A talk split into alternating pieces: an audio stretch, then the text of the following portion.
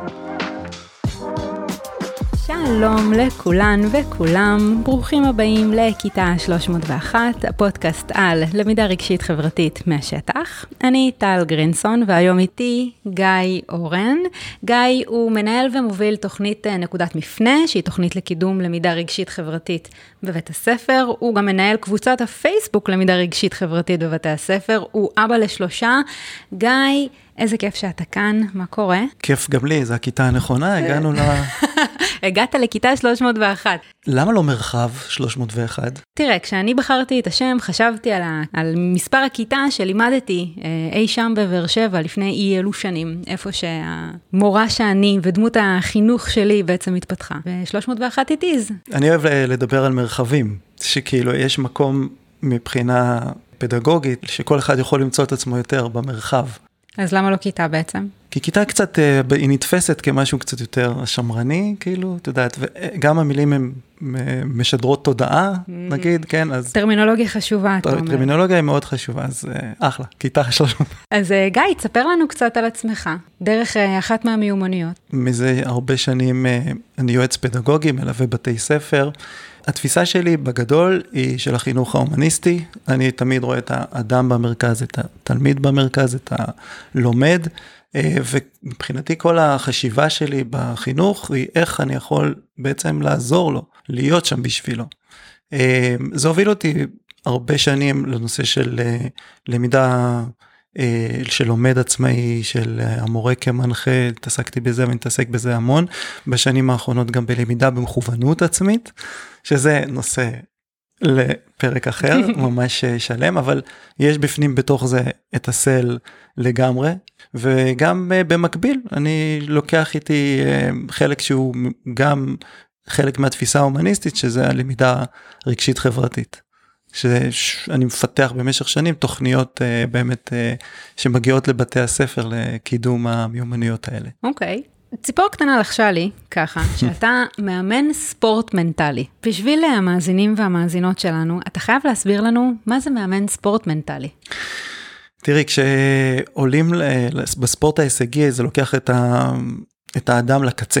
באמת לקצה ההישגיות שלו עד הסוף אה, כשאנחנו אומרים עד הסוף בעצם יש אה, ארבעה דברים. יש את הצד הפיזי צד הטקטי אה, יש את הצד של הכישרון בכל מקצוע יש את הכישרון שלו ויש את הצד המנטלי. שחקן מושלם זה שחקן שיש לו את כל היכולות האלה. והצד המנטלי הוא, הוא כמו כל דבר אחר ניתן לאימון כדי שבמאני טיים ברגע האמת הוא יצליח בעצם כל הסיפור זה לווסת רגשות, לנשום ולהביא את ה-best performance שלו.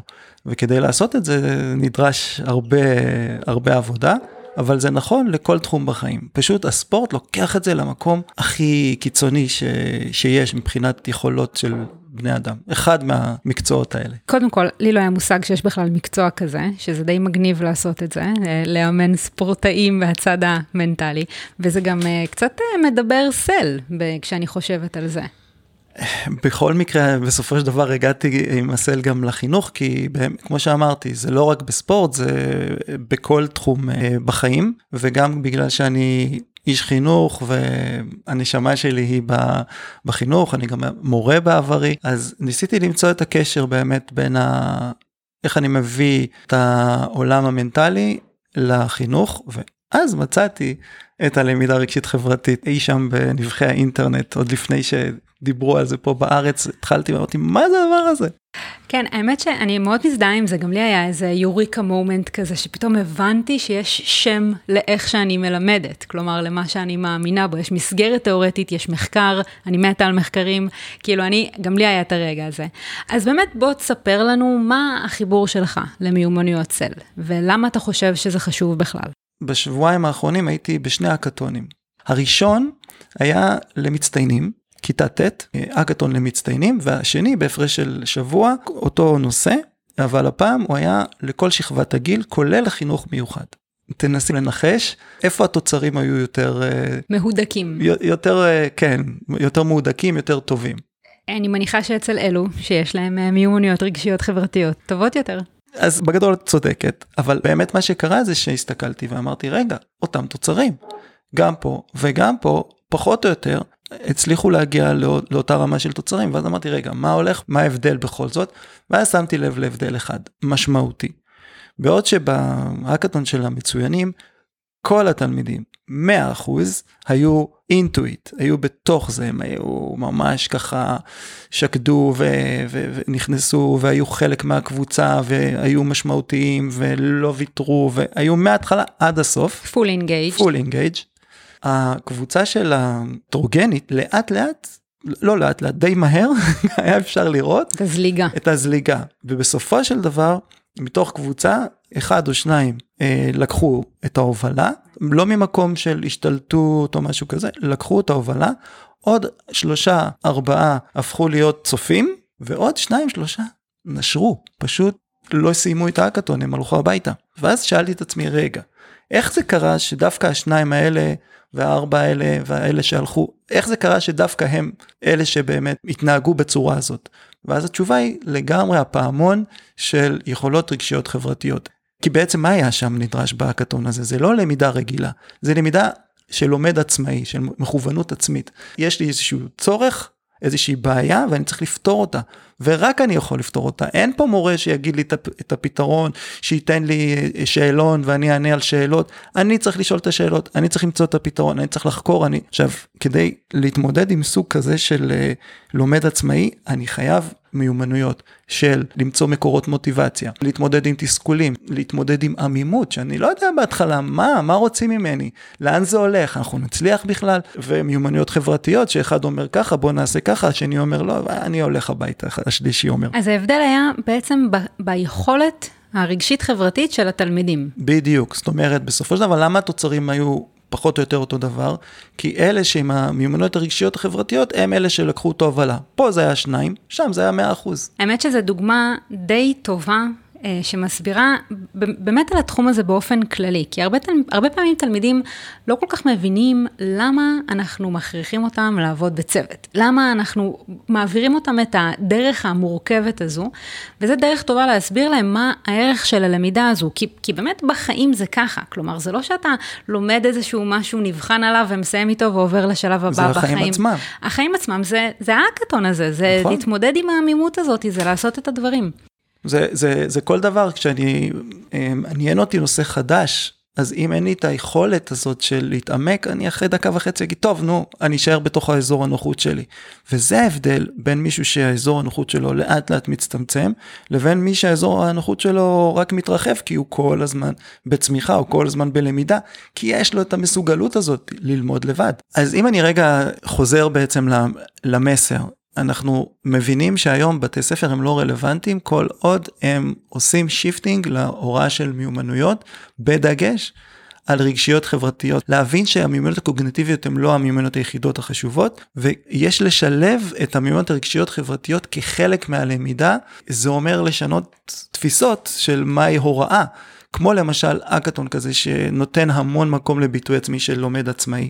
שהרבה יותר קשה להוציא אותו לפועל אגב כ- כמורה, כאילו בגלל זה. לא, זאת אומרת זה בדיוק ה... זה תמיד, ה... ה... אני משתמש במטאפורה הזאת של הפיל וה... והמסמר, ש... שהפיל קשור. למסמר, ובתודעה שלו הוא קשור. וכל מה שהוא צריך לעשות זה רק פשוט להזיז את הראש ולהוציא את, ה, את המסמר. אני חושב שהתודעה של וואו, המעבר מהוראה X כזאת להוראה של הנחיה, זה צריך לעבור עכשיו איזשהו מסע, אני טוען שזה לא מסע, זה עניין של פשוט החלטה, וקצת קבלת, לתת כלים, זה נכון, אבל בעיקר החלטה של, של בית ספר, של צוות מורים, של מנהל. אז אני מסכימה ולא מסכימה עם הדבר הזה, כי, לא, כי אני מסכימה שזה עניין של החלטה, אבל אני חושבת שמתוך ההחלטה הזאת, כשאתה רוצה לעשות משהו ברצינות, העבודה שנדרשת כמורה, לעשות את הדברים האלה, להוציא לפועל את הדבר הזה בצורה איכותית וטובה, שלא תפגע בסוף בתלמידים ובמסוגלות שלהם, זה הרבה יותר קשה ממה שנראה מבחוץ. גם את הפן ה... לפתח את הרעיון, אם אין לך את הסדירויות בתוך בית הספר שתומכות בך כמורה לעשות את הדבר הזה, וגם ברמה הטכנית, זה לוקח מלא מלא אנרגיה. אני, אני עשיתי כזה דבר כ, כמורה, מספר האקתונים, זה היה מדהים, אני לא, לא, מתחרטת לרגע, אבל ספק. זה, זה לא עניין של החלטה. לא, אין ספק שהאקתון זה דוגמה, אבל... לא אה, רק הקטון, זה- באופן כללי, למידה כזו. אז למידה כזאת, אה, אני טוען ממש ההפך, שכשאני מגיע לבתי ספר, אני אומר, באתי לעזור לכם ולהקל עליכם, ולא להוסיף לכם. כי אני יודע שפשוט זה באמת אה, עומס מטורף. ש- מטורף. שיעשו, את- נגיד יזרמו איתי כי, לא יודע, כי הם נחמדים אליי או משהו כזה, ו- או שלא רוצים יותר מדי לעשות בלאגן, ויזרמו איתי, ואחרי פעם אחת יזרקו את זה כי זה המון עבודה. אז לא השגתי את מה שאני רוצה. הכוונה שלי כל הזמן להראות שלהפך, הסגנון הוראה הזה הוא סגנון שבהרבה תחומים הוא מקל על העבודה, והוא אה, גורם ב- להעברת האחריות אל הלומד. הרבה דברים שאנחנו עושים היום, אנחנו יכולים לשחרר לכיוון, ה, לכיוון הלומד. אבל צריך גם בזה להיות מקצוע. מקצוע. אני אתן לך דוגמה קטנה. השבוע ראיתי עבודה של הערכה חלופית, 30% בסוציולוגיה, והמורה נתן עבודה לראות את מסכי עשן. אה, הסיפור עם המלכודת הדיגיטלית, מה שהיה בנטפליקס לפני איקס זמן, על הסכנה של הרשתות החברתיות, מהמם. לראות את הסרט הזה ולרשום טענות ונימוקים של הסרט. ואז אני שאלתי את עצמי, אוקיי, הרעיון הוא בגדול נחמד, אבל אין פה, א', אין פה מיומנות אה, של סוציולוגיה, של התחום, כן, תחום הידע. תיאוריה. התיאוריה, אוקיי, תחבר את זה. תחבר, תנתח. איפה זה, בין- כן. בדיוק, ו- וזה מבחינתי מאוד אה, שטחי. עכשיו, למה הוא הלך לכיוון הזה? כי כדי לנתח ולעשות את העבודה הזאת, אתה גם צריך מיומנויות רגשיות חברתיות, שזה שונה ממבחן, אבל עדיין זה לא שם, זאת אומרת, גם מבחינה של התוכן עצמו של סוציולוגיה וגם מבחינה רגשית חברתית זה די אה, זה שם קיים אבל לא לא מספיק עמוק. אין שם מספיק עבודה קבוצתית. למשל הוא, הוא כתב את זה שם בהוראות שצריך לעשות את זה שניים. למה שניים למה מה הערך המוסף של שניים זה, זה אחד מהדברים שככה עלו אה, בשיחות שעשיתי עם, אה, עם אה, מורים אחרים, גם במהלך הפודקאסט וגם מחוץ לזה, שבעצם אחת מהדרכים הכי טובות ליישם למידה רגשית חברתית, או כל, כל מיומנות לצורך העניין, זה אה, לדעת אה, ליצור את הסטינג הנכון, אוקיי? ו setting הוא גם מורכב מבהירות של משימה וגם מורכב מאיזשהו מכוון מסודר שהלומד יודע מה אתה רוצה. וגם אהבתי את הדוגמה הזאת, כי בעצם אתה אומר, למידה רגשית חברתית היא לא מתרחשת בתוך ריק, אוקיי? היא מתרחשת בתוך איזשהו נכון. הקשר, וההקשר צריך להיות הידע. כאילו זה בדיוק לעשות את ה flip הזה. הפוך. בדיוק. זה לקחת את ה... להסתכל על הידע בפריזמה של המיומנות ולא ההפך. נכון. אוקיי, אז בעצם אתה מבקר בבתי ספר, אתה רואה סוגים שונים של ניהול, סוגים שונים של הוראה. כשאתה נכנס לתוך בית ספר במטרה ל- ליצור וליישם תוכנית אה, של מיומנות רגשית חברתית, מה אתה רוצה לראות? מה אתה מחפש? אם אנחנו לוקחים רגע את האידיאל, אנחנו מדברים על uh, כמה עוגנים. אז uh, העוגן הראשון לאו דווקא בסדר חשיבות, כי, כי זה הכל צריך להיות ביחד, זה העוגן של השפה הרגשית. כשאני נכנס לבית ספר, אני רוצה שתהיה שפה רגשית, שפה הסל זה הדבר שהוא הכי הכניס, בשונה משיעורי כישורי חיים שהיו עד היום, זה השפה של מודעות. מודעות לעצמי, מודעות לאחר, וקבלת החלטות ממקום מודע. כל הנושא של בחירה ושל, ושל המיינדפולנס ושל ההשהיה, זאת שפה רגשית שהיא בתרבות הישראלית, היא לא, לא כל כך קיימת. יש הרבה דיבור על ערכים, יש הרבה דיבור על, על כישורי חיים, אין מספיק דיבור על עניין של מודעות ושפה רגשית מודעת. אז הדבר הראשון זה באמת לייצר שפה משותפת של מורים ותלמידים, של קהילה, אודות ה... היכולות שלנו לווסת את הרגשות שלנו. כשאתה אומר טרמינולוגיה רגשית, שפה רגשית בתוך בית הספר. אגב, זה משהו שגם ממש מוכח בתוך מחקר, כאילו הדרך היעילה ליישם סל בתוך בית הספר, זה שכל ה, עמוד השדרה של בית הספר מדבר באיזושהי שפה בטרמינולוגיה רגשית. בית ספר שעושה את זה טוב, איך זה נשמע אצלו? בסופו של דבר, במאני טיים, זה צריך להופיע. זאת אומרת, יש את שלב האימון, שהכל מתנהל בסדר, ברוגע, אז אפשר להתאמן, אבל אז במאני טיים, שזה אומר כשהרגש אה, מתחיל להציף, כמו למשל אה, במקרה של אלימות, או במקרה של אה, לחץ אה, סביב איזשהו פרויקט מסוים. זאת אומרת, ברגעים האלה אני רוצה באמת לראות שהשפה הרגשית עוזרת לשינוי הרגלים. בסופו של דבר, איך רואים ששפה רגשית עובדת בבית ספר? כשאני יכול לראות שבן אדם מסוים, שתלמיד מסוים, לפני שהיה את השפה הרגשית, התנהג בצורת X, לא טובה כל כך, שהאוטומט יותר שלט שמה, ולא היה מספיק מודע, לעומת שאחרי שהוא קיבל את השפה הרגשית, נהיו לו יותר כלים למודעות, למורה היה יותר דרך לתווך ו- ו- ולשקף לתלמיד, ו- ולילד היה מספיק יכולת הקשבה ו- ויכולת לראות את הדבר הזה, ובזכות זה הוא שינה את ההרגלים שלו. עכשיו, זה לא תהליך ארוך, זה יחסית תהליך קצר מאוד של ילדים מהר מאוד uh, מאמצים כלים ושפה, ואפשר לראות תוך uh, שניים שלושה מפגשים, שבועיים שלושה, כבר אפשר לראות ניצנים ראשונים של uh, שינוי אקלים בבית ספר. בזכות השפה שהיא מוטמעת ומתחילה כן, להיות אבל, מדוברת. אבל התנאי זה שכולם מדברים את השפה נכון. הזו. אוקיי? זה גם ההנהלה וגם המורים וגם התלמידים וגם הסייעות וגם היועצת. אז דבר אלינו, מה העוגן השני? אז העוגן הראשון הוא שפה רגשית אה, מדוברת ו- ומיושמת ברגעי אמת. השפה, העוגן השני הוא בעצם הסדירויות. הכוונה לזה שבית הספר דובר אה, את השפה באמצעות אה, מערכת השעות, באמצעות הטקסים, באמצעות אפילו השירים, הצלצולים, או אפילו אי הצלצולים, אפשר להגיד. זאת אומרת, זו מערכת שהיא תומכת ו- ומדברת את הדבר הזה דרך סדירויות. למשל, שעה בבוקר של... אה, לשיח. לשיח רגשי אה, בנושאים מסוימים, פתאום גשם, איך אנחנו מרגישים בגשם, פתאום קיץ, כאלה, אפילו הדברים הכי, הכי טריוויאליים. כמובן של פדגוגיה שתומכת uh, ומאפשרת את, ה, את ההזדמנויות לפדגוגיה כזאת, שזה העוגן השלישי. תכף נגיע לעוגן השלישי, כי באמת סדירויות ותרבות ארגונית בתוך בית הספר, זה, אני חושבת שמשהו ש, שאנחנו לא תמיד מבינים כמה הוא קשה לביצוע, וכמה הוא הכרחי אבל, כי בעצם...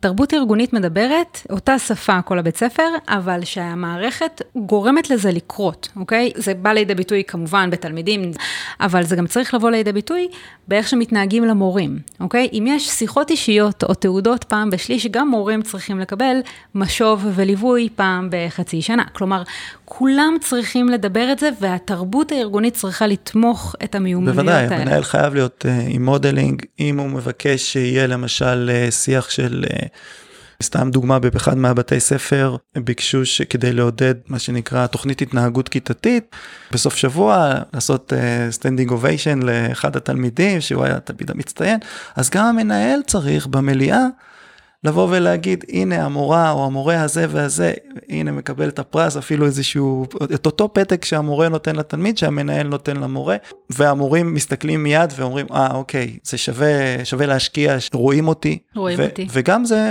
מראה modeling אה אם אני מרגיש ככה אז שווה לעשות את זה גם לתלמידים כי גם התלמיד מרגישים ככה. אין ספק. מעגלי השפעה בדיוק דבר נוסף שקשור בניהול זה מעבר לזה שהמנהל צריך לעשות את זה מול מורים, הוא, גם, הוא צריך גם לדבר את השפה מול התלמידים. אוקיי? זאת אומרת, הוא לא יכול להזמין לחדר המנהלת אה, בשיח כזה שהוא לא אה, מכיל. כמובן שמשמעת צריכה להיות משמעת, זה אין ספק, זה לא קשור, אבל העניין הוא, למורה, למנהל יש יכולת שאם הוא בא לצפות בשיעור, הוא אומר למורה, אני רוצה לצפות בשיעור שמשלב למידה רגשית חברתית, זה מה שאני בא לראות. ואני ממשיכה את זה, אה, כי ואז במשוב, כשהוא נותן למורה, הוא מתחיל ב"איך את מרגישה?" או אה, "מה עבר עליך?" יש שם, כאילו, ופה משתלב נגיד השיח הרגשי בתוך התרבות, ברור. כאילו זה הולך ביחד. כן, וגם בלמידת עמיתים. כל מליאה נפתחת ותספרו לי סיפור שקשור בזה וזה. עכשיו, יש פה עניין, כי אנחנו מדברים על הסל שזה כאילו קרוב לליבנו, אבל יש הרבה דברים קרובים לליבנו, גם חינוך גופני חשוב. מצוינות והישגיות, ואז השאלה היא, אוקיי, איך אה, מנהל עושה את ה juggling הזה, כי כל הדברים חשובים. ובאמת המקום הוא לתת מקום לכל, ה, לכל הדברים האלה זה לא זה לא פשוט. לגמרי זה להשתמש בזה כמכפיל כוח כלומר זה לא שאתה באיזשהו שלב עושה מיומנויות רגשיות מפסיק עם זה נכון. ועושה ספורט כאילו הדבר הזה משתלב ביחד וזה היופי גם של SEL זה בסך הכל מיומנויות שמשתלבות בתוך החיים המאוד מאוד אורגניים ואותנטיים שלנו. כן ואמרת את המילה אורגניים וזה מה שחשוב אני רואה מנהלים שאומרים אני רוצה גם את זה וגם את זה פה סופר. שלם של מוצרים, של פדגוגיות, שהכל נשמע אחלה, אבל אם הם לא מסודרים בצורה אורגנית, שהם הולכים ביחד, הם רק כמו עוד מוצר במדף ואין קשר ביניהם, אז זה תפסת מרובה לא תפסת. כי, כי באמת אז קשה לנהל את זה ומה רוצים מהמורים וגם וגם וגם והמורים פה מתחיל השחיקה שלהם שפה זה נוגע לעוגן השלישי. שזה בעצם החוסן של המורים דיברת על זה קצת שחוסן של מורים קשור באיך שהמנהל כמובן מנהל שיח עם המורים אבל לא רק זה מנהל צריך להשקיע זמן. כל מי שעכשיו שומע אותי והוא מנהל בית ספר אומר עצמו נכון נכון זה באמת כי אני יודע את זה, כשאני נכנס לבתי ספר, אני אומר מה אפשר, אומרים לי כן גיא זה נכון, חוסן של מורים, בוא נעבוד על זה.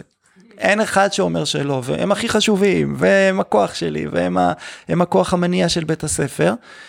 ובסופו של דבר, כשאני מתחיל לעבוד בבתי הספר, כמעט תמיד... אה, תלמידים. כן, עבודה עם, עם התלמידים, ואם עובדים עם המורים, אז עובדים עם המורים כי הקהל הקצה הוא התלמידים ולא הקהל הקצה הוא המורים עצמם. כן, ו- זה ה- להתייחס למורים כאובייקטים ולא סובייקטים. נכון, עכשיו זה לא אומר שחייב רק בהדרכות של גיא אה, חוסן של אה, מורים, אבל כן צריך לשים דגש אה, החל מימי גיבוש ו- ויצירת הומור ומקום לרואים אותך. יש באמת סט של דברים ואני חושב שגם הם צריכים לבוא בצורה אותנטית, אבל בעיקר במודעות. כל הזמן לחזק את החוסן של, ה, של המורים. אני ממש מסכימה עם זה, ואני גם חושבת שפה באמת זה, זה כמו שאמרנו, על תעבוד קשה עכשיו, אה, אבל זה ישתלם לך אחר כך אה, בהקשר של מיומנויות צל, כלומר זה מאוד, אולי קשה לעשות את ההאקתון, אבל אחר כך אה, אני מרוויחה פה נכון. תלמיד עצמאי ומשמע, וכל הדברים האלה. אז אני, אני חושבת שחוסן הוא גם מהסוג הזה של הדברים. כלומר, מנהלים צריכים להשקיע בזה אנרגיה, כי בסוף זה חוזר אליהם במורים רתומים יותר, שמרגישים, שעובדים, שרוצים. הכל ועושים. חוזר, זאת אומרת, כשיש שפה רגשית, אז הכיתה יותר רגועה, והבית נכון. ספר יותר רגוע, ואז זה חוזר אליך, וזה נותן לך זמן גם לעוגן הרביעי. לגמרי, אבל רגע שנייה לפני שאנחנו עוברים לעוגן הרביעי, כי חוסן של מורים, כן. אגב, אם אנחנו מדברים על קצת מחקר וסל, חוסן של מורים... כן, אני יודע מה את הולכת להגיד. מתווך על ידי, כאילו, אה, מיומנויות סל. כלומר, ככל שאנחנו מגבירים את מיומנויות אה, רגשיות חברתיות של מורים, ככה החוסן שלהם אה, גדל. ופה אני הייתי רוצה שמנהלים ממש יעשו רשימת מכולת של מהם הדברים שגורמים לחוסן, המחקר מדבר על זה, יש, יש רשימות מכולת כאלה. ושזאת תהיה התוכנית השנתית שלהם, ש, שזאת תהיה ההשתלמות. אני אגיד איזשהו אידיאל, איזשהו חלום ש, שיש לי, ואני משתדל לעשות אותו ב, בחברה שלי, ש, שיש לי מנחים, וככה אני, אלה לצורך העניין המורים שלי. והתפיסה שלי, ש, אה, וזה גם תפיסה שקיימת היום, זה לא שאני המצאתי אותה, אבל אני רואה את ה...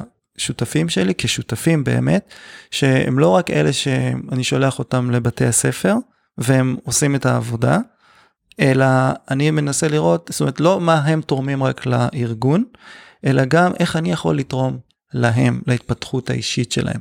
ואני חושב שהיום אה, מורים צריכים להרגיש שהם לא רק מורים, אלא שהבית ספר הוא מקום להתפתחות האישית שלהם. ברור.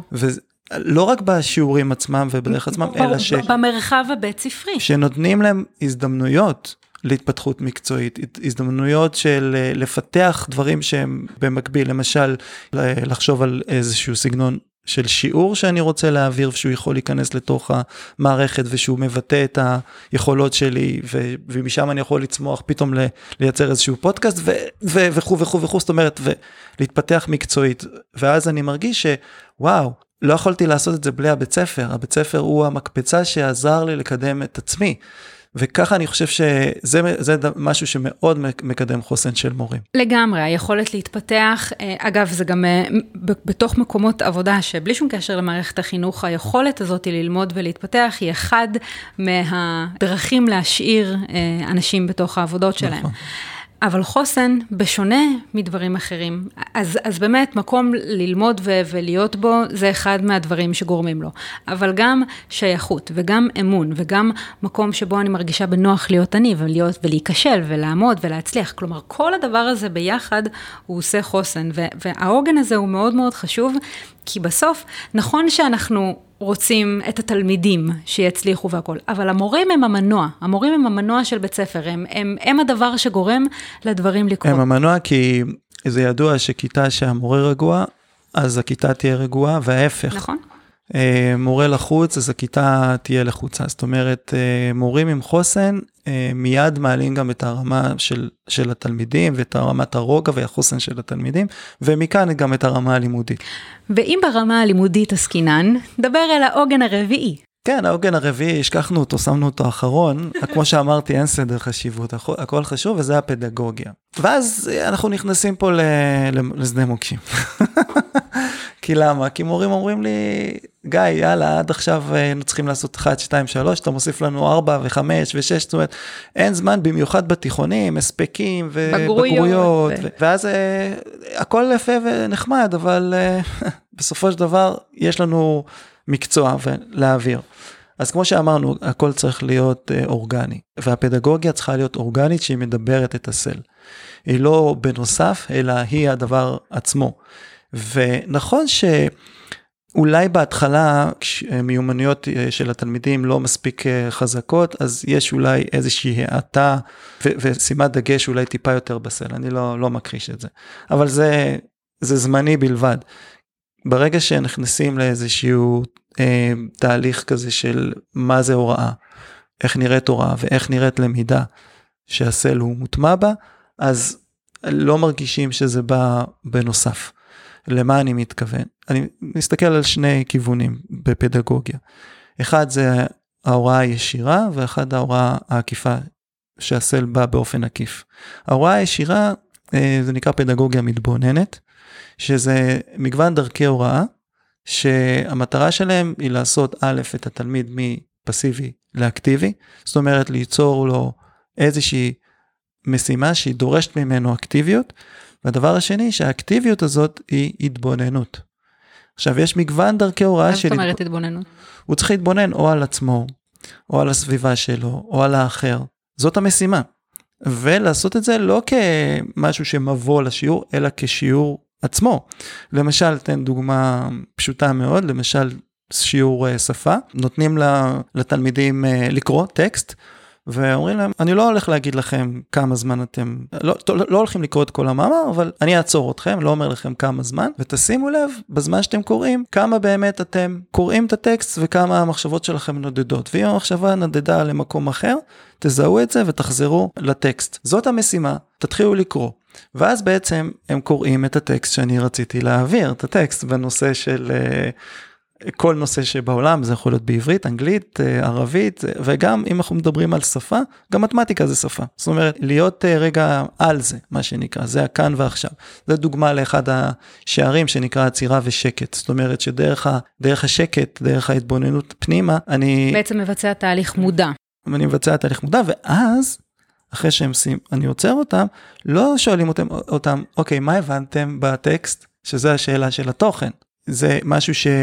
הם קראו עכשיו מתוך התבוננות, ואנחנו מנהלים רפלקציה על, על איך היה לנו לקרוא את הטקסט, וכמה היינו מודעים באמת בקריאה, ומה יכול לעזור לנו בפעם הבאה לשחרר הסחות ולהיות יותר בקשב ו, וללמוד יותר טוב, כי ככל שנתרגל את זה, אז גם מן הסתם אני אבין את הטקסט יותר טוב. זו דוגמה קטנה, כמובן, לא, לא שכל ההוראה צריכה להיות uh, בסגנון הזה, אבל פדגוגיה מתבוננת, יש מגוון דרכים אה, כמו משחק, כמו אה, ללכת החוצה לחצר ולהסתכל על הטבע, למשל אם אני לומד משולשים, לחפש בטבע משולשים. זאת אומרת, יש מגוון רחב אה, של אה, שיח פילוסופי על שאלות קיומיות של העולם, זה פדגוגיה מתבוננת, זה, זה ההוראה הישירה, וההוראה העקיפה, אלה כל, אמרתי שאני מחזיק בכובע של החינוך ההומניסטי, כל השיטות הוראה שהן אה, מובילות ללומד עצמאי או לומד מכוונות עצמית, אם זה PBL, אם זה אקתונים למיניהם, פרויקטים למיניהם, שמעבירים את האחריות ללמידה אל הלומד, ואז מן הסתם הם הופכות אותו לאקטיבי, ובעצם לדרוש ממנו מיומנויות רגשיות חברתיות כדי שהוא יוכל להביא את המיומנות הקוגניטיביות לידי ביטוי. אז בעצם אתה אומר, פדגוגיה צריכה להיות רתומה למיומנות. כאילו לא משנה איך אתה מסתכל על זה ואיפה אתה הופך את זה, בסוף המיומנות היא, ה... היא העיקר כאן. אוקיי? בין אם זה עכשיו אה, מודעות דרך התבוננות, בין אם זה עכשיו להיות לומד עצמאי דרך המשימה, כלומר הידע הוא משני כאן, הפדגוגיה היא משנית כאן, אבל זאת צריכה להיות המטרה לא של יודע אם היא הפדגוגיה. משנית, היא אמצעי.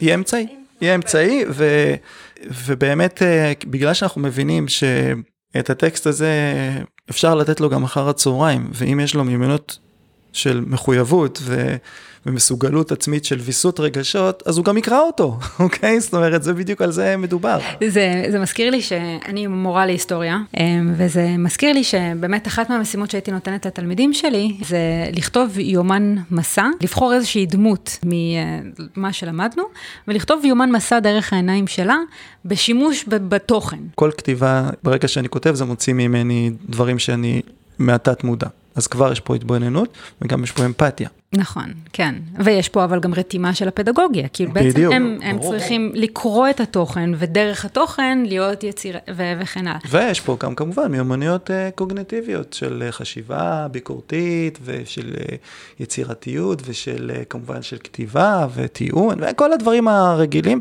בפד... אבל זה נכנס בדלת האחורית. אני- רוצה לתת דוגמה, מטאפורה. תנסו לדמיין שאתם נכנסים לכיתה, הכיתה מלאה במים, וכל התלמידים מפרפרים כזה, ורק הראש בחוץ והם רק עסוקים בלא לטבוע ולנשום. ואז בואו נראה אותך מלמדת היסטוריה להורדוס, במצב כזה. האם תהיה למידה? אין סיכוי, כי כל מה שהם רוצים עכשיו, הם לא פנויים רגשית, ובטח שלא חברתית, הם יאכלו אחד את השני בשביל לשרוד, אה, ללמידה.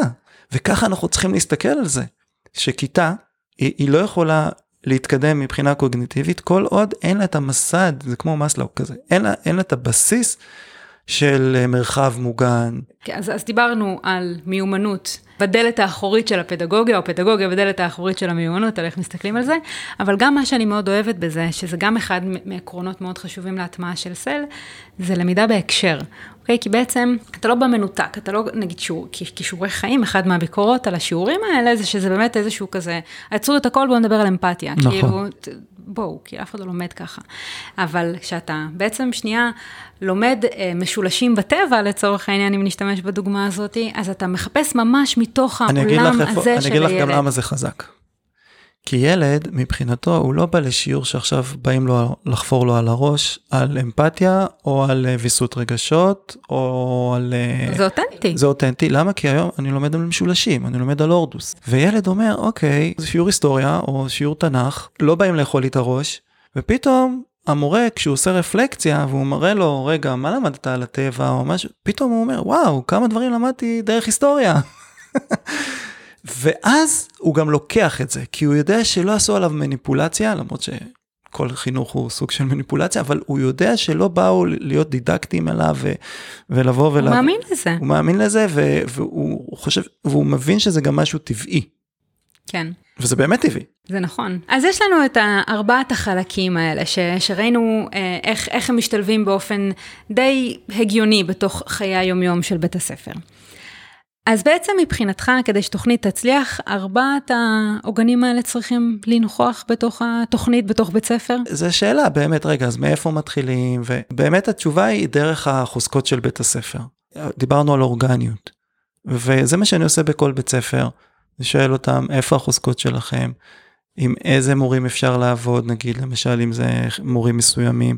זאת אומרת, יש, יש מאוד גמישות בדבר של איפה מתחילים, עם מי מתחילים, מה עושים, כי זה באמת יש המון דברים. זה גם חשוב, כי בעצם יש פה איזשהו, אה, נגיד אם אתה מדבר על אה, התבוננות ותהליך מודע, אז גם בית ספר צריך בעצם לעשות תהליך מודע. לגמרי. כאילו להבין שנייה, לעשות את החוזקות, את ה...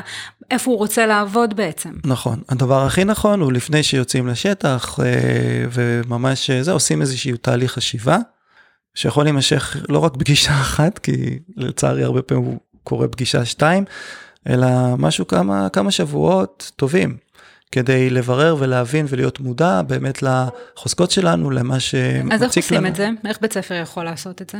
מנהלת שמאזינה לנו כרגע ורוצה לעשות תהליך כזה עם הבית ספר שלה. איך היא עושה את זה?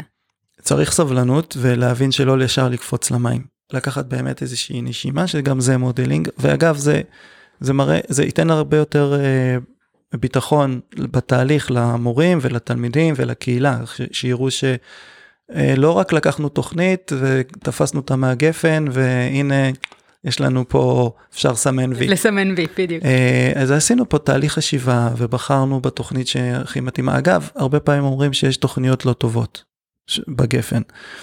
אני מודה שבחלק מהמקומות שהגעתי אליהם, היו יכולים להגיד שהתוכנית שלי לא עבדה, והיא לא הייתה מספיק טובה. וגם לי יש בזה חלק, זה בסדר, אני, זה, זה, זה לא תמיד אנחנו באמת אה, מצליחים בכל דבר, זה החיים. אבל חלק מה, אה, מהעניין זה היושרה. כשיושרה של שני הצדדים. גם של המפעיל התוכנית, אה, אם זו תוכנית חיצונית, כן? לבוא ולהגיד מה התוכנית הזאת יכולה לתת, ומה היא לא יכולה לתת. אוקיי? זאת אומרת, מה, אם בחרת רק לעבוד עם תלמידים, מה ההשלכות של לעבוד רק עם תלמידים. ברגע שיש יושרה כזאת ואני בא ואני אומר, תקשיבו, זה מוגבל, כי אחרי שאני אלך, מי ימשיך לדבר על זה, אם אני עושה רק עם התלמידים, אז, והמנהלת אומרת לי, בסדר, אז עכשיו זה בכדור של, בצד שלי, אם אני רוצה לקחת כזה דבר או לא. אבל אני, זה יושרה מהצד שלי. מהצד שני, כשהמנהלת אם צריכה להיות, או המנהל עם יושרה, זה באמת לבוא ולהגיד מה חשוב לי שיקרה בבית הספר, ומה אני צריך לעשות כדי שזה יקרה.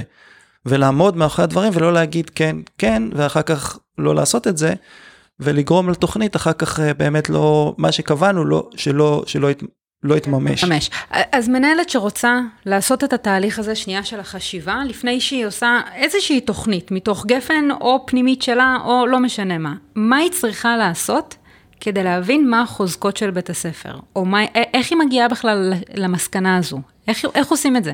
הייתי לוקח את המטאפורה של סדר בבית. לפעמים אנחנו נמצאים בבית וקונים חפצים נוספים. אז רגע, לפני שקונים חפצים נוספים, תסתכל מה יש לנו בבית.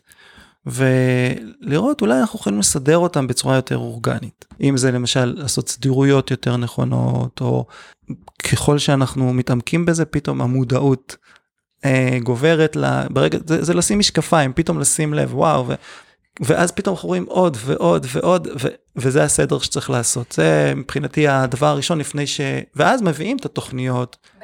בהתאם לצרכים. זה, זה, אני חושבת שזה ממש חשוב, כאילו באמת קודם כל להסתכל על המשאבים הפנימיים שלנו ומה יש לנו, וגם יותר מזה, אם מדברים על עמוד שדרה קהילתי, אז לערב כמה שיותר גורמים מתוך בית ספר, מתוך הקהילה, מתוך המעגלים שסובבים את התלמיד ואת המורה, בתוך השאלה הזאת. פעם, ברור, אם יש קהילה שיש בה פתיחות, לפעמים את יכולה להזמין הורים, והם לא מגיעים. אבל הזמנת. נכון. אפילו אם לא הזמנת את ההורים, למרות שהורים חד משמעית צריכים להיות חלק ממעגלי השיח של איפה הבית ספר הולך, לא הזמנת מורים, תשאל את, ה, את המורים שלך, אוקיי? אם אתה מנהל, תשאל את המורים נכון, שלך. נכון, זה לא שיחה אישית בדיוק. של המנהל עם עצמו, זה ברור. זה, זה ממש ככה, ו, וגם התלמידים. ואגב, זה אחר כך גם גולש לפדגוגיה. ברור. זה בדיוק מה שזרקתי קודם במילה על זה שלעבוד פחות. זה בדיוק על אותו עיקרון עובד. לגמרי. זה מזכיר לי, כשאני חינכתי, אני חינכתי כיתת מצוינות, והקמתי תוכנית מצוינות בבית ספר ש, שלימדתי בו, ובשנה הראשונה עשינו מה שעשינו, זו הייתה השנה הראשונה של הפרויקט הזה באופן כללי, וראיתי שהתלמידים כאילו, הם, היה להם כיף עם כל מה שעשינו, אבל כאילו כזה, קצת כזה פחות היו בעניין. ואז מה שעשיתי זה בין אה, זין לחטא שלהם, זימנתי אותם בחופש הגדול, אה, אמרתי להם, עוד לא בניתי שום דבר מהתוכנית הזאת, ועוד לא בניתי את שיעורי החינוך שלכם, בואו תגידו לי מה הייתם רוצים, כאילו מה, מה חשוב לכם ללמוד. אה, ואז הם פשוט זרקו עליי כאילו מלא מלא ביקורת ומלא דברים שהיה להם, ו, ובהתחלה זה היה קצת אה, אה, מפחיד, כאילו בהתחלה, אתה יודע, זה מרתיע לשמוע ביקורת על מה שאתה עושה, כי אתה בטוח שאתה עושה מאוד טוב. ואז אחרי שככה הבנתי שזה מה שמניע אותי כרגע, האגו שלי, ו- ושהזמנתי אותם כדי להקשיב למה שיש להם להגיד, פתאום שמעתי מה הם באמת צריכים מתוך, מתוך המילים שלהם. והתוכנית שבנינו לשנה ולשנתיים שאחר כך הייתה הרבה יותר טובה. בנינו, לא בניתי. זה, כן, זה, זה הדבר. כן, נכון. כי בסוף אני בניתי את זה, כן? אבל... אבל, אבל זה היה מתוך ה insight שלהם. אז זה היה תחושה של שותפות, לא תחושה, זה וזה היה... עדיין לא היה מדויק. שותפות. וזה עדיין לא היה מדויק, אבל השאלות האלה כל הזמן חזרו. כאילו, להתעקש לשאול את מי שאמור לקבל את התוכניות האלה. מה הוא צריך, מה הוא רוצה. כאילו, אני, אני מאוד מאוד מסכימה עם זה. אוקיי, אז אנחנו בעצם אה, דיברנו על העוגנים האלה, ודיברנו קצת על התוכנית שלך, איך אתה נכנס ואיך אתה עושה, ואני אני הייתי שמחה שאנחנו אה, נהיה קצת ביקורתיים. האם זה נכון להכניס תוכניות ויוזמות פרטיות לתוך בית הספר? כי ברור לי שיש לזה יתרון שמגיע איזשהו מומחה תוכן אה, שיודע בדיוק את הדבר הספציפי אה, שאני מבינה שחסר לי על פי אה, התוכנית שבניתי לבית הספר. יחד עם זאת, אתה קצת אורח לרגע, כלומר אם אתה לא חי את היום יום של בית הספר ואתה מגיע מבחוץ עם איזשהו משהו אולי מאוד נכון ומאוד חכם, איך באמת אתה יכול לשנות דברים בתוך בית הספר. אז קודם כל אין ספק שיש יתרון וחיסרון לכל, אה, לכל דבר, זאת אומרת אם זה נעשה בכוחות פנימיים יש לזה יתרונות ואם זה נעשה על ידי תוכנית חיצונית יש לזה יתרונות. שמנהל כשהוא בוחר מה לעשות אז שהוא מודע ליתרונות ולחסרונות וכל בחירה שהיא מודעת ומבינה מה אני צריך עכשיו היא הדבר הנכון. לפעמים אה, תוכנית חיצונית יכולה להגיד את אותם דברים שיכלו לעשות מורים שיש להם נגיד סתם נגיד אה, את נגיד יכולה להיות שאת מבינה סל, ואת יכולה להדריך בעצמך בבית הספר, כי את חלק מצוות המורים, אבל זה יישמע אחרת אם את אומרת את זה כי את מתוך הצוות, מאשר מישהו שבא מבחוץ ואומרת את זה, את זה כי יש לזה פחות את העניין ה, של האגו ושל אה, האינטראקציה ש, שקורית בתוך אז. מונע אינטריגות פנימיות. ש, כן, זאת אומרת, זה, זה כמו עם הורים, שאת יודעת, אני כהורה מוגבל מאוד לעשות בבית דברים שאני מצליח מהם בצורה טובה בחוץ, כי התפקיד שלי הוא הורה. אז יש לזה יתרון, זה יתרון אחד. יתרון נוסף כמובן זה המקצועיות, במידה וצוות המורים אה, אין איזה מישהו שמכוחות, אם יש מישהו מכוחות בית הספר אמרנו זה החיסרון אבל כאילו יש חיסרון שזה מכוחות אבל יש גם יתרון עצום מצד השני אז uh, אני חושב שכשבאים עם uh, תוכנית uh, חיצונית כמו שאמרתי קודם הנושא של יושרה הוא מאוד חשוב להגדיר תיאום ציפיות להבין מה מקבלים מה לא מקבלים ואם יש את התיאום ציפיות הזה אז אהלן וסהלן יש מקום לתוכנית חיצונית. אז אתה אומר, קודם כל, בית ספר צריך לעשות תהליך מודע, פנימי שלו, בין אם בשיתוף הקהילה או לא, לא משנה, ואז הוא צריך לקבל החלטה מה הפעולות שהוא עושה. כדי לתת מענה לדברים שהוא הגדיר אה, בתוך התוכנית פעולה הזו. ואז בעצם, אם אתה בוחר כבר להפעיל תוכנית חיצונית, אתה אומר, הסוד לזה זה שיתוף פעולה ותיאום שיתוף ציפיות. שיתוף פעולה, תיאום ציפיות, מקצועיות של שני הצדדים, אה, ואנחנו, כשאנחנו מגיעים לבית הספר, אנחנו מדברים אקסטרה כל הזמן. Uh, כדי שאנחנו באמת לא נרגיש אורחים וגם לתת את, את המענה איפה שצריך לפעמים שיחה קטנה שהייתה אקסטרה כזאת שהיא לא הייתה אמורה להיות היא עושה את ההבדל uh, וזה מצד אחד מצד שני באמת שהמנהל גם יהדהד את זה uh, כשאנחנו לא נמצאים אלה הדברים שחשובים. אוקיי okay. אז uh, לקראת סיום מה הטיפ שלך למורים, מורות, למנהלים או מנהלות שמאזינים לנו כרגע? אני רוצה לשתף במודל שנקרא נקודת מפנה, כי זה אחלה טיפ לכל אדם, לא רק לתלמיד. וזה טיפ של אה, ויסות רגשות ושל קבלת החלטות אחראית. והוא כולל ארבעה צעדים אה, שיכולים לעזור לנו בעצם להפוך את ההרגלים שלנו מאיזושהי תגובה אוטומטית לתגובה של אה, בחירה. וארבעת הצעדים הם על בסיס ראשי התיבות של מפנה, שחלק מנקודת מפנה, שהיא עושה, את השינוי. אז המם זה מודעות, קודם כל תהיה מודע לסיטואציה, לרגש שלך, מה, מה מציף עכשיו, uh, לצרכים, למחשבה. אחרי שאתה מבין רגע את הסיטואציה, uh, שאתה מרגיש אותה, שהיא קורית, למשל, אה, שהכעס מציף, או חרדה, או כל דבר אחר. הדבר השני זה pay, זה freeze, תעשה השעיה. עכשיו, השעיה יכולה להיות החל מהרף עין כזה, זה יכול להיות איזושהי נשימה רגע, נגיד אם אני לוקח את זה למשחק כדורסל נגיד, ואני עכשיו הולך לקליעת עונשין, אני מודע לזה שזה קליעה חשובה, הנה אני מביא את העולם הספורט רגע, ואני לוקח נשימה, זה הפריז, אני כרגע למשחק הוא לא חשוב, מה שחשוב זה הנשימה, עצירה, ואז השלב השלישי זה ניהול. וניהול זה בעצם אה, לחשוב איזה אופציות יש לי, ולפחות שתיים. ואיזה אני בוחר, והדבר פה המרכזי זה בחירה. כי גם אם בסוף, אה, נגיד אני אחטיא, אם נמשיך בס... במטאפורה הזאת, בסיטואציה הזאת, גם אם אני אחטיא, אז שקיבלתי החלטה זה ההי והי זה מתוך האופציות לבחור ההחלטה מה אני בוחר מתוך זה וגם אם בסוף החטאתי כי זה לא שזה אם תעשה את ארבעת הצעדים האלה זהו העולם יחייך אליך ופתאום הכל ילך כמו שצריך.